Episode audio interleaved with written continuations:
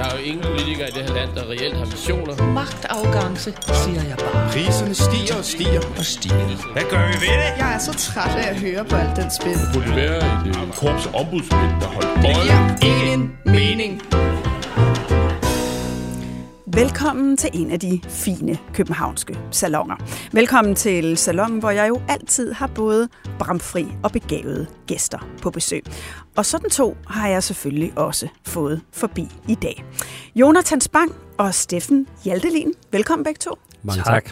I opfører allerede som tvillinger. Det gjorde jeg også inden vi startede det her program. Alt bliver synkront, kan jeg mærke i den her udsendelse.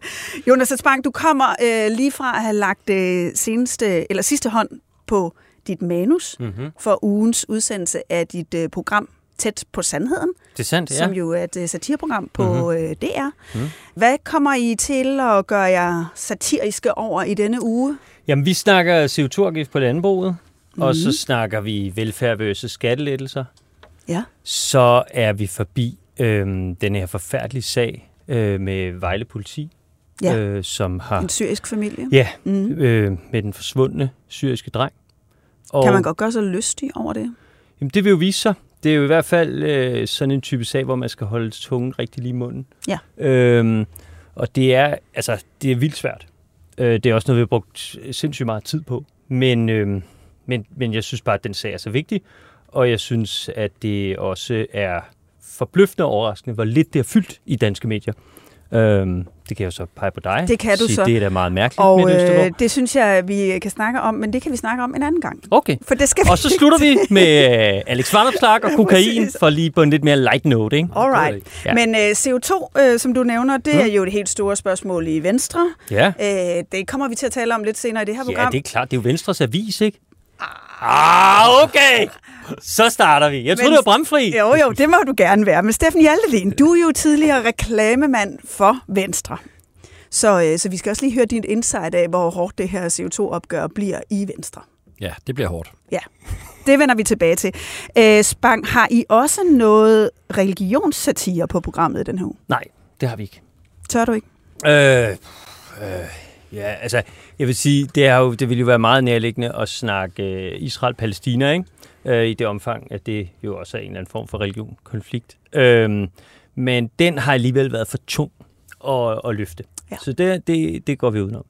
Når jeg også spørger til den øh, satiren omkring religion, Mm. så er det jo også, fordi vi diskuterer rigtig meget koranlovgivning, Ja, og hvad man egentlig kan inden for rammerne af det øh, lovforslag, som ligger. Og det skal vi øh, dykke ned i nu. Velkommen i Østergårds Salon. Ja, vi begynder at tale om Koranloven. Loven, der skulle forhindre Paludan i at brænde koraner af foran udenlandske ambassader. Loven, der skulle beskytte både dansk eksport og dansk sikkerhed.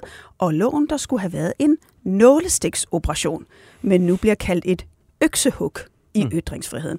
Jonas Hans Bang, jeg forestiller mig ikke, at du er sådan en, der til daglig sådan går og brænder koraner af. nej. Alligevel så er du en Hvis spørgsmålet vil være så nemme, så er jeg glad for at være gæst her.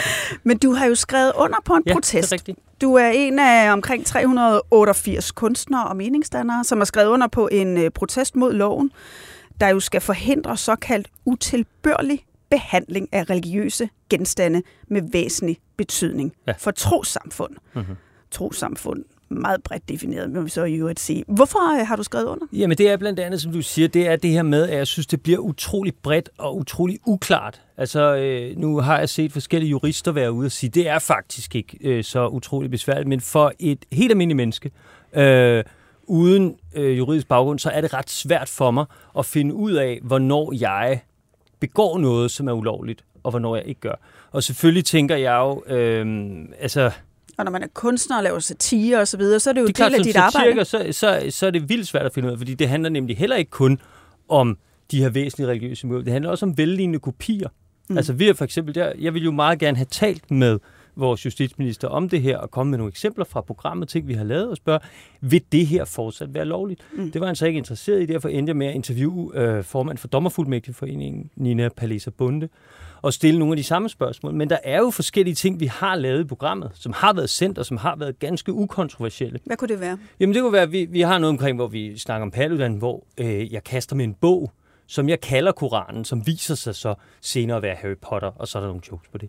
Der er også et eksempel i forhold til, øh, i forbindelse med noget corona, hvor jeg skyder en panda i sådan noget øh, omkring Kina og deres Det er, vel, er, det et, er det et religiøst symbol? Nej, det er det jo ikke. Men det, det, den, den paragraf, som man lægger den her lov ind under, handler jo netop om det her med, at man ikke må øh, skænde andre landes flag, brænde andre landes flag og nationalsymboler. Og pandaen er jo et nationalsymbol for Kina, så derfor så genoplever man jo en paragraf, der ellers har ligget fuldstændig brak.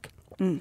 Så, så det er jo spørgsmålet, det er jo et helt reelt spørgsmål for mig, ville det stadig være lovligt? Jeg har også for år tilbage lavet en teaterforestilling, der hed Bibelen, hvor plakaten har en brændende bibel hvor vi står med en bibel med ild i. Og det må man nok sige, det var nok ikke lovligt det, efter det Det var forslag. det nok ikke, fordi det handler jo også om at øh, distribuere til en videre kreds. Og mm. det gør man jo, når man trykker plakater. Så, så på den måde, så, så synes jeg jo bare, at det er så nemt at få det til at lyde som om, jamen det her handler om de her ganske få, øh, ret ekstreme mennesker, som står foran ambassader og brænder Koranen. Jeg tror, da vi havde debatten først, så troede man netop, at det var et nålestik på Paludan. Præcis. Og nu viser det sig, at det er helt ekstremt bredt. Altså det her omkring et trosamfund, vi har omkring kan det være 185 trosamfund eller sådan noget i Danmark. Ja, ja og, og det, det gælder også, kun de anerkendte. Nej, det gælder også dem, der ikke er anerkendte. Ja. Det kan være hvad, hvem som helst, ja. inklusiv Paludan, som selv mener, han har lavet en religion, religion ja. så han kan til sig tosset. Men, men det er jo også derfor, jeg prøver på at sige de her eksempler. Det er jo ikke for, altså det er jo bare for at sige, at det, det rammer potentielt noget bredere, og noget, som vi måske alle sammen øh, synes i hvert fald har en lidt større værdi, end at stå og brænde Koranen af foran en ambassade. Kommer det til at betyde, at der er færre ting, I kan lave i tæt på sandheden? Jamen, det kan det meget vel gøre, fordi en ting er, hvad jeg gerne vil, hvad jeg tror på, hvad jeg tør, men Danmarks Radio som organisation er jo dem, der i sidste ende har ansvaret for alt, hvad vi sender. Og øh, når man har en juraafdeling, det gælder jo i alle øh, øh, virksomheder, hvor man har det, så er deres opgave jo ikke at komme så tæt på grænsen, som det er menneskeligt muligt de er jo ansat til at skabe så få problemer som muligt, så derfor bliver det da klart nemmere at sige nej, end at sige ja. Sådan vil det altid være. Tror du også, du selv vil lade dig hæmme af det? Øhm, det er et godt spørgsmål. Det, der kan sagtens være situationer, tror jeg, hvor jeg vil sige, gad vidst om det her lovligt. Altså, vi bruger jo i dag også øh, ressourcer på øh, advokater for at finde ud af, om vi kan det eller det. Det er tit rettighedsmæssigt. Men vi har jo allerede brugt tid og kræfter på det. Så, og, og det kan jo blive meget mere. Altså, jeg var for år tilbage praktikant på det, der hedder The Jim Jeffries Show, øh, som var efter John Stewart forlod øh, The Daily Show, så, så fik øh, Jim mm. Jeffries et øh, show der, øh, fordi det gik af helvede til med Trevor Noah. Det er også fuldstændig lige meget det her. Men der, men der var det jo sådan, at når de lavede generalprøven, så, så var det jo foran øh, writing staff, og så foran øh, to advokater fra netværket, og to advokater fra produktionsselskabet. Og så øh, gik de så ud og så foregik der en eller anden forhandling, en eller anden armlægning, og så kom producenten tilbage og sagde, okay, det vi skal have ud, det er sådan og sådan og sådan og sådan. Ikke? Og det er jo så ikke, kan man sige, det er jo ikke lovgivning, det er jo fordi, man tager hensyn til annoncører og sådan noget. Men den virkelighed, hvor juraen og hvor nogle advokater spiller en gigantisk rolle i, hvad man får lov til at sige. Øh, Vi nærmer os i hvert fald et samfund, hvor juraen oftere kommer op og slås med kunsten det, det er i hvert fald den vej, det her peger for mig at se. Det er derfor, jeg er kritisk. Steffen Hjaltelin, du er en af dem, som i starten tænkte, det er måske meget smart, det regeringen har gang i. Ja, jeg var helt, jeg var helt klart i den, i den første uges tid, tænkte jeg, at det forstår jeg godt. Altså, fordi af, af flere forskellige årsager. Vi havde, vi havde blasfemiparagrafen i overvis, uden vi følte os uh, voldsomt uh, restricted, kan man sige, af det. Og Yoda, og, og du havde i hvert fald din, din plakat og alt muligt under den. Vi vidste nok ikke, den eksisterede, og hvis den eksisterede, så tog man det i hvert fald let i, i, i domsafsigelserne. Så, så at, at få lidt af det tilbage, og så få stoppet en tosse som Paludan, troede jeg sådan set var en god idé. Jeg kunne også se, at andre lande gjorde man noget tilsvarende. Øh, det, der bare har vist sig, for mig har det været, at, har det været det, at det kunstneriske er kommet ind øh, og også bliver omfattet af det i den øh, konkrete løsning, de kom med. Det synes jeg er virkelig, virkelig skidt. Altså dels ud fra de årsager, som Jonathan var inde på, men også når der er decideret protestkunst. Altså når, når en, øh, en eksil-iraner ikke må, må rive en koran øh, med, et, med et rivjern mm. øh, i protest mod, hvordan øh, kvinder bliver behandlet ned. Jeg hørte et andet eksempel med en, med en, en homoseksuel iransk kunstner, som vil prøve at holde en lighter under de paragrafer i øh, Koranen, hvor der handlede om, hvad de ville gøre med, hvad man ifølge Koranen burde gøre med homoseksuelle. Mm. Og det var så ham, der havde gjort noget lovligt der, ikke dem, der havde skrevet bogen, havde sagt. Så det var bare ting, som bare gik imod sådan almindelig uh, retsfølelse. Så det, jeg havde håbet på, det var, at vi ville kunne få noget, der var tættere på en fransk løsning, hvor, hvor man i Frankrig, som jeg forstår det, har en lov, som bare hedder, at man ikke må øh, øh, lave offentlig uorden. Altså hvis der er offentlig uorden, offentlig postyr, som forstyrrer den offentlige orden, og det kunne man så brede ud til det, Paludan i mildt gør, at så er det ulovligt. Og det mm. kender vi jo fra alle mulige sammenhænge. Man må ikke længe sig til et uh, trafiklys og, og stoppe trafikken. Og Paludan har jo fået øh, indrejseforbud i Frankrig. De gider ikke det der ja, pjat. Og de ved på forhånd, at det vil forstyrre den offentlige ja, orden. Ikke? Og det er jo et, nærmere et spørgsmål om netop at sige, okay, det er den offentlige orden, det er ja. den paragraf, vi forholder ja. os til, i stedet for at åbne den her ja. Ladeport på ytringsfriheden. Og så skulle man jo netop Altså hele formålet var jo tydeligvis at indskrænke Paludans skærninger og nogle af dem, der var omkring ham. Men vi ved jo også godt, at nærmest ligegyldigt, hvor bredt det her bliver, så finder Paludan ja, helt sikkert. en uh, genvej. Lad mig lige prøve at spille et, uh, et uh, klip fra uh, Paludan, hvor han omtaler det her lovforslag. Hvis jeg uh, adskiller en koran i hver enkelt side omslag hjemme, uden at nogen ser det, og putter det ned i en plastikbeholder, og så det med ud, så er det ikke ulovligt. Hvis jeg så tænder ild til stumperne fra, hvad der engang var koran, så er det ikke en religiøs genstand. Det har det været, det er det ikke længere. Ja, altså, og plus at han netop har oprettet sin egen religion, så han kan øh, altså, te sig fuldstændig, som han gerne vil. Steffen Hjaltelin, hvordan er det overhovedet muligt at få gennemført sådan et lovforslag, når der sidder Venstre, Danmarks Liberale Parti i regeringen? Jeg tror, den primære årsag er, at vi har en udenrigsminister, som øh, også tidligere har været med i det omtalte liberale parti, og nu er måske knap så liberalt, som han har været. Han er i hvert fald dedikeret til at føre en pragmatisk udenrigspolitik som udenrigsminister. Det må det man sige. En... Lars Lykke har været meget øh, altså, imødekommende over for nogle af de øh, kræfter, der har været... Jamen, og i det hele taget har han, og det kan jeg sådan set også godt helt generelt se meningen at man bliver nødt til at have en eller anden form af pragmatisme i sin udenrigspolitik. Hvis ikke man har det, så ser vi, hvad der sker i Afrika, så er det Kina, der får det hele. Så det kan jeg sådan set godt se. Men jeg tror, det, er, det, er, det kommer af det Øhm, og så kan man så sige, så skulle det så være Venstre, øh, som skulle være gået imod det, men, men altså med styrken i, i, øh, i styrkeforholdet i regeringen, tror jeg aldrig nogensinde, det har været i nærheden af, at Venstre var ved at gik imod det her. Øh, så derfor er det blevet, som det er blevet, og jeg er spændt på at se, hvad det endelig bliver. Spang, det er jo også noget med, øh, som du siger, man ved faktisk ikke helt, hvad der er lovligt og hvad der er ulovligt. Så også sådan mere generelt omkring vores retsstilling. Ikke? Øh, det kan være svært at vurdere, hvornår man overskrider loven? Ja, det er i hvert fald, øh, kan man sige, problematisk, når man ikke ved, hvornår man gør noget ulovligt. Ikke? Men man må altså- heller ikke videregive, vel? Så hvis vi, øh, betyder det, hvis vi står og taler om nogen, der gør noget ulovligt, er vi så klar til at komme i brummen? Det tror, det tror jeg trods alt ikke. Men jeg tænker bare, at det må jo være muligt at dæmme op for så ganske få mennesker på en anden måde. Altså under folkemødet var det jo muligt for Bornholms politi at sige, at vi har ikke ressourcerne til at, øh, at, at beskytte øh, Paludan mm. øh, med de her demonstrationer. Og så kunne det, altså, jeg tror ikke, jeg forstår, altså selv hvis man demonstrerer for alt muligt andet, meget mindre kontroversielt, så tror jeg ikke, jeg forstår, at man har ret til at gøre det igen og igen og igen. Det tror jeg ikke, jeg forstår. Altså, der må vel være andre hensyn. Kan man ikke sige, nu har du demonstreret, vi er helt med, det er sådan, du går og har det. Og, og så, har vi ikke, så, har vi, så skal vi simpelthen finde nogle stjålne cykler og noget Men nu. så er vi altså, det der med offentlig orden, ikke? Altså, at, men vi, jeg tror, vi alle sammen har en eller anden forståelse for, at politiet skal sikre den offentlige orden, og vi kan ikke bare uh, gå og forstyrre alting. Nej, man vil ikke gå og tisse på gaden, altså, man mener bare, det må da kunne lade sig gøre, ja. uden at skulle lave hele den her gigantiske nye... Øh, altså, omstrukturering af, af vores samfund. Og noget, som er så principielt i ja. det danske samfund, nemlig ytringsfriheden. Der er kommet omkring øh, 80 kritiske høringssvar til lovforslaget, blandt andet fra Danske Medier, Dansk Kunstnerråd osv. Jeg synes, man fornemmer en lille åbning i retorikken øh, om det lovforslag, mm. der kommer, om, de, om det bliver modificeret en smule, men vi har ikke set det øh, endnu. Hjalte kan de i forhold til de signaler, de sendte til den muslimske verden, holde til at gøre det her mere pragmatisk? I sidste ende, så er politikere, de kommer til at reagere på den øh, stemning, der er i det land, hvor de bliver valgt. Så det bliver det, der bliver alt afgørende. Det er, hvordan, øh, hvordan stemningen er i, i, her i landet i sidste ende.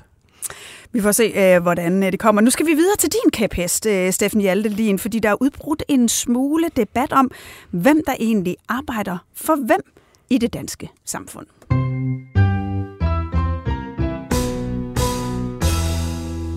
Hvis man skal gøre statsminister Mette Frederiksen glad, så skal man arbejde. Man skal være flittig, og man skal bidrage, for det skylder vi fællesskabet. Det hørte vi øh, blandt andet, da statsministeren talte på den socialdemokratiske kongres for nogle uger siden. Lad os lige høre, hvad hun sagde. Hvis ikke vi holder fast i vores stærke arbejdsmoral, så holder vores velfærdsmodel ikke. Men er det borgeren, der skal arbejde for staten, eller er det måske lidt mere rimeligt, at det er staten, der arbejder for borgeren, Hjaltelin? Ja, det er, det er nok det sidste, ja, den sidste tro, jeg tilhører. Men altså det, jeg synes, der er mest interessant her, det er, hvordan øh, Mette Frederiksen formår at skifte historie igen. Øh, jeg havde glæden af at... Nu kommer reklamemanden, der ikke kan se den røde tråd. Ja, men det kan jeg sgu ikke. Hun, laver, hun har flere historier end Holberg. Øh, Hvis vi ser tilbage til sidst øh, valgkampen i 2019, så, så vandt hun et valg på Arne-pensionen. Ja, dyt med, mindre. Det er en dyt, men når man har arbejdet så længe, så har man ret til at arbejde mindre. Og det var jo øh, altså helt åbent, og, og, og hele ideen med det var, at det skulle man så arbejde mindre for skatteborgernes, for andre skatteyderes penge. Mm. Det hun er ude og, og så harcelerer mod nu, det er, at folk de arbejder mindre for deres egen penge. Altså uanset om det er en sygeplejerske, der gerne vil arbejde 30 timer, eller det er Torborg, øh, Martin Torborg, for de, øh, for de mange millioner, han har sparet op og betalt skat af, at han så gerne vil øh, arbejde mindre, så er det galt. Altså fordi man skal ligesom være, og jeg tror Jonas han havde i sidste uge, der havde han arbejdsenhed nummer, det, det er det. Altså øh, fordi at vi bliver betragtet som nogen, der skal producere til øh, samfundet. Og det er ikke... Øh, det er sgu ikke en, en, en måde, jeg kan lide at tale om Men det er jo om også øh, atypisk socialdemokratisk. Altså man kan sige, at man har arbejdet tæt sammen med en fagbevægelse, som har haft øh, sit primære formål, at vi skulle skabe gode arbejdsvilkår for arbejderne. De skulle gerne arbejde mindre. Lige pludselig så skal vi arbejde mere. Ja, og jeg tror, at måske de har forregnet sig her, for jeg tror, at dem, de er ude på at ramme, det er, det er øh, de, øh, det har jeg i hvert fald hørt nogle øh, kilder bagved sige, at det er sådan nogle kulturradikale typer, som bare gerne vil, den her nye bevægelse, der er med, at man bare gerne vil arbejde mindre og lave lidt, altså have lidt mere, have lidt mere fritid. Og det vil de Det er gerne... ikke sygeplejersken, der skal på, del, eller på fuld tid fra deltid. Ja, altså, de, jeg tror, der er kommet lidt collateral damage her, fordi de kommer til også at, at, at gøre en hel masse mennesker vrede. Vi skal jo lige huske på, at i Danmark, det er rigtigt nok, at vores arbejdstid den er faldende individuelt, men fordi vi er det land i øh, Europa, der har størst arbejdsfrekvens for begge parter, mm. så som familie, så er vi faktisk dem, der arbejder mest i Europa. Så i, den, i, den, øh, i, i det øh, hus, hvor der er en, der går ned på 30 timer, der er der typisk en anden, der arbejder 37 timer. Så der bliver bestilt rigeligt i, øh, i, øh, i, det, i det hus, ikke? Nu nævner du lidt, øh, hvem er det, der er fjenden? Altså den dejlige kulturradikale akademiker eller værksætter, eller nogle af dem, som øh, tjener mange penge selv til at lave quiet quitting ja. eller gå tidligere på pension. En af dem, som har blandet sig i debatten, det er jo iværksætter Martin Thorborg. Hans rolle blev diskuteret hos vores kolleger på BT i podcasten Slottet og Sumpen, hvor den øh, socialdemokratiske politiske ordfører Christian Rabia Madsen øh, var øh, på besøg, og som øh, ikke mente, at Thorborg kunne tillade sig at selvpensionere sig, når han var 50. Jeg tror ikke, Torber han har betalt mere i skat end slagteriarbejderen. Jo, øh, men- Når, når Torber fylder 50, har han så ikke betalt mere i skat til den tid? Han har formentlig betalt øh, mere skat, end jeg nogensinde kommer til. øhm, og, og det er jo godt. Men vores velfærdssamfund hænger sammen finansieringsmæssigt ved, at også velhavende mennesker betaler skat igennem hele livet. Og det, Der er ikke noget at gøre. Altså selvom du har, tjent, altså, du har betalt millioner i Men skat. prøv at, det her, det er jo en helt ny, det her det er en helt ny historie. Det er, altså, vi er vant til at have sådan en diskussion i Danmark, hvor man fordeler sig efter anskuelse om, hvor meget det er i orden ikke at arbejde, hvis det er på, på andres regning. Ikke? Altså dumme Robert-diskussion. Eller dog- dog er ikke dumme. Undskyld, Nej, Robert. nej.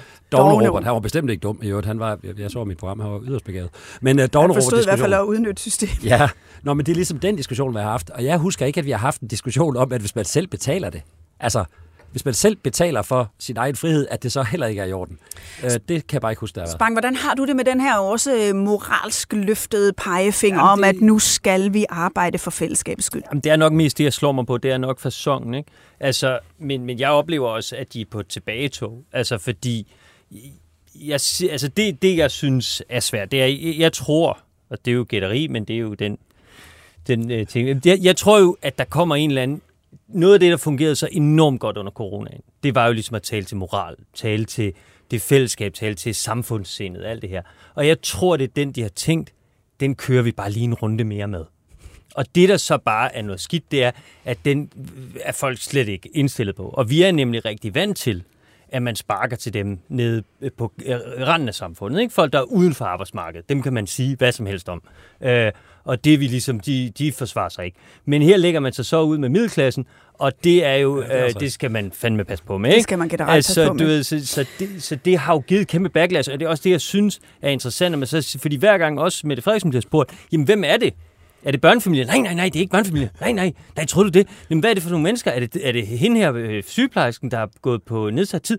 Nej, bestemt ikke. Nej, hun er helt fin. Og så er de jo så siddet der, og nu er det ikke nogen, vel? Nu så kan de blive, nej, det er Martin Thorborg, for han stemmer nok ikke S alligevel. Øh, Det er men, faktisk sjovt, det, det er faktisk en omvendt Arne. Kan I ikke huske, før Arne, så troede alle, at de kunne få Arne-pension. Ja, ja. Og det her, det er så ingen. Ja, det er ingen. Der, der er ikke nogen. Det var ikke henvendt til nogen.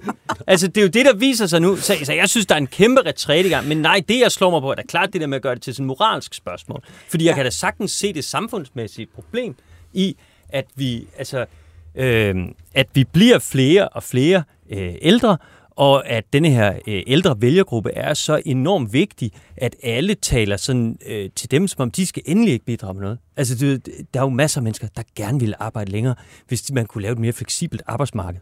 Men... Jeg synes også, at det er ret uh, morsomt, at det er så Martin Thorborg, de uh, skælder ud på, fordi det er jo sådan ligesom om, der indtræffer det her skønne paradoks i debatten om, at vi skal arbejde mere. Vi skal tjene en masse penge, vi skal betale en masse skat.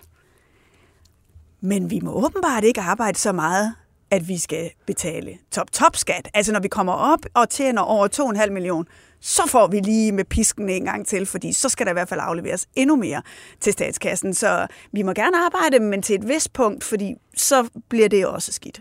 Ja, det er jo i hvert fald et, øh, en, et sjovt kapitel til den fortælling. Altså hvis det gælder om at skulle øh, bidrage så meget som muligt, og at man begynder at tale kalde øh, skat for samfundsbidrag, det kan jeg sådan set meget godt lide. Det er en, en god måde at tale om det på. Så de, der så de, der så bidrager mest, at de så skal bidrage lidt mere. Og det synes jeg er, det synes jeg er mærkeligt. Det synes jeg faktisk er lige så mærkeligt, som øh, den lidt mere blålige dengang Lars Lykke synes det var. Det er jo også ham, der har fundet på top-top-skatten. Men i 2009, da Helle Thorning fandt på den, øh, selv sammen, eller en millionærskat for folk, der tjente over en million, sammen med Ville Søvndal, den kaldte han det en, for en hjernedød hjerneskat. Og det dummeste, man havde hørt i nyere tid. Intet kunne være dummere, fordi at det var folk, der, det var de her mennesker, vi gerne skulle have til at øh, arbejde endnu. Jeg har mere faktisk øh, fundet et citat fra Lars Lykke for den gang, fra ja. 2009, netop da øh, Torning og Søvndal kom med millionærskatten. Der sagde den øh, daværende statsminister, at lægge en skat på de gode idéer og kvikke hoveder er der noget af det dummeste, man kan gøre, hvis dette samfund skal hænge sammen Han på sigt. Det var sagde Lars Løkke, så fortsatte han. At sige, at hvis man får en god idé, og en indkomst over en million, så skal man beskattes af det.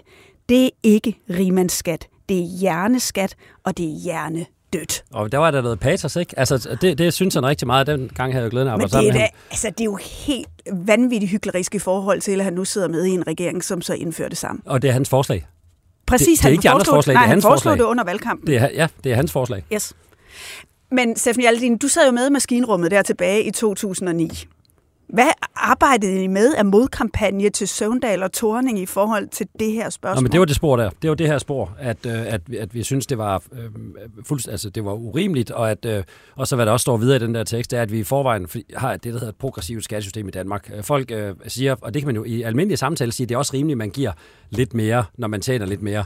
Og det er der jo ikke nogen, der er uenige i, og vi har bare i forvejen også et progressivt system, og det glemmer folk bare lidt. Jeg prøver lige bare lige at slå op til i dag. Hvis man tjener 3 millioner kroner i dag, så betaler man 1,5-1,6 millioner kroner i skat, og jeg så den gennemsnitlige personskat ifølge Danmarks Statistik for folk i Danmark, den er lige knap 100.000. Så, så det er 16 gange så meget, man betaler i skat, hvis man tjener 3 millioner. Så dem, vi virkelig ikke kan lide, dem der er C25-chefer, og som tjener 35 millioner, de betaler så 160 gange så meget i skat. Så, men, og det er det, vi siger. Men kunne ikke lige bidrage lidt mere? Hvad tænkte I dengang i alt det liv? Jamen, der altså, tænkte, tænkte alt det, der står der. Tænkte tænkte I også bare, okay, det er jo totalt selvmål for dem, det er bare at gå all in på den der retorik om, hvor Jamen, den var vi hårde på. Den var vi rigtig hårde på. Vi lavede sådan noget øh, bag facaden. Nu sagde de mange ting, for det der, det er så vidt jeg husker, en del af færre forandring. Så der var, der ja. var alt muligt. Der var også en betalingsring, og der var masser af kasser over, så det var, der var en stor, stor underholdning. De gennemførte jo ingen af tingene i øvrigt. Altså, Ej. det ved jeg ikke, om I kan huske. 12 minutter mere var der også. Mm. Vi skulle arbejde 12 minutter mere, så der var, der var, der var til... Der men var der til. kommer jo, det kommer jo lige så stille, ikke? Nu er vi af med stor bededag, det er de 12 minutter, jo, nu kommer, kommer der en top top Men det kommer fra Lars Lykke, altså ham, der sagde det, du lige har sagt. Mm. Det er en meget vild skift.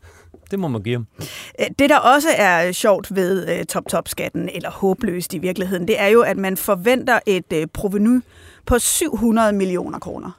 Altså i den store statskasse, det er nul og niks. Som vismændene er ude at sige på forsiden af Berlinske i dag, at de regner med, at det bliver tættere på nul, og derfor er det et eksperiment, fordi man har ikke prøvet noget før den slags. Især fordi, at langt de fleste af dem, der tjener over 2,5 million, mange af dem er for eksempel selvstændige, mm. de kan lægge deres indkomst ja, ja. over i et andet altså andel.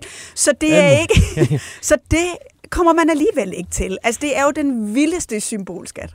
Jamen, jeg, jeg tænker også, jeg, det tænker jeg hver gang, at de fleste må jo have alle mulige muligheder for at gøre det på en anden måde. De, der ikke har, det er de, øh, det er de ansatte, dygtige direktører, som er mm. chef for erhvervsvirksomheden, de kan, ikke, de kan ikke gøre det.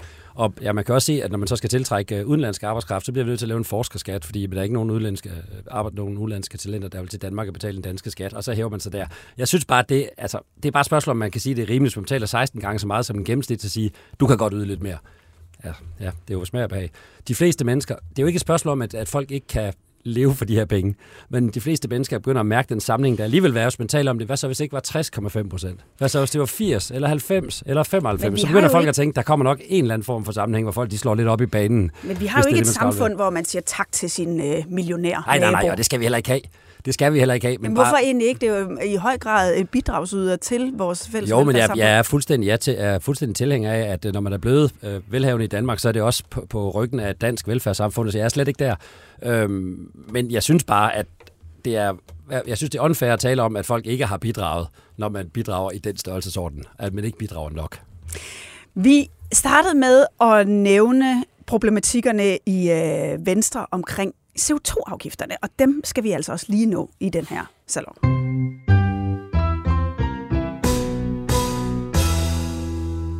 Ja, for nu skal der jo indføres en CO2-afgift på landbruget, og det er jo øh, formanden for øh, Landbrugspartiet Venstre, Jakob Ellemann, som går forrest i, øh, i den debat. Han synes faktisk, at en CO2-afgift er vigtig. Men Hjaltelin, prøv lige at tage os med ind i maskinrummet i Venstre igen. Hvor stort et problem kan den her skat blive for landbrugsvenstre? Jamen, det er så stort, som det kan blive. Det er for at blive teknologien vaskeægte lortesag, og, og Venstre står i den her uge, hvor, hvor, jeg, hvor samtalerne de er indledt, så står Venstre i en meningsmåling på 7,8, og en, der kom i går, står de på 6,7. Og det er med det i Jamen, ryggen. jeg er slidt vel ved det.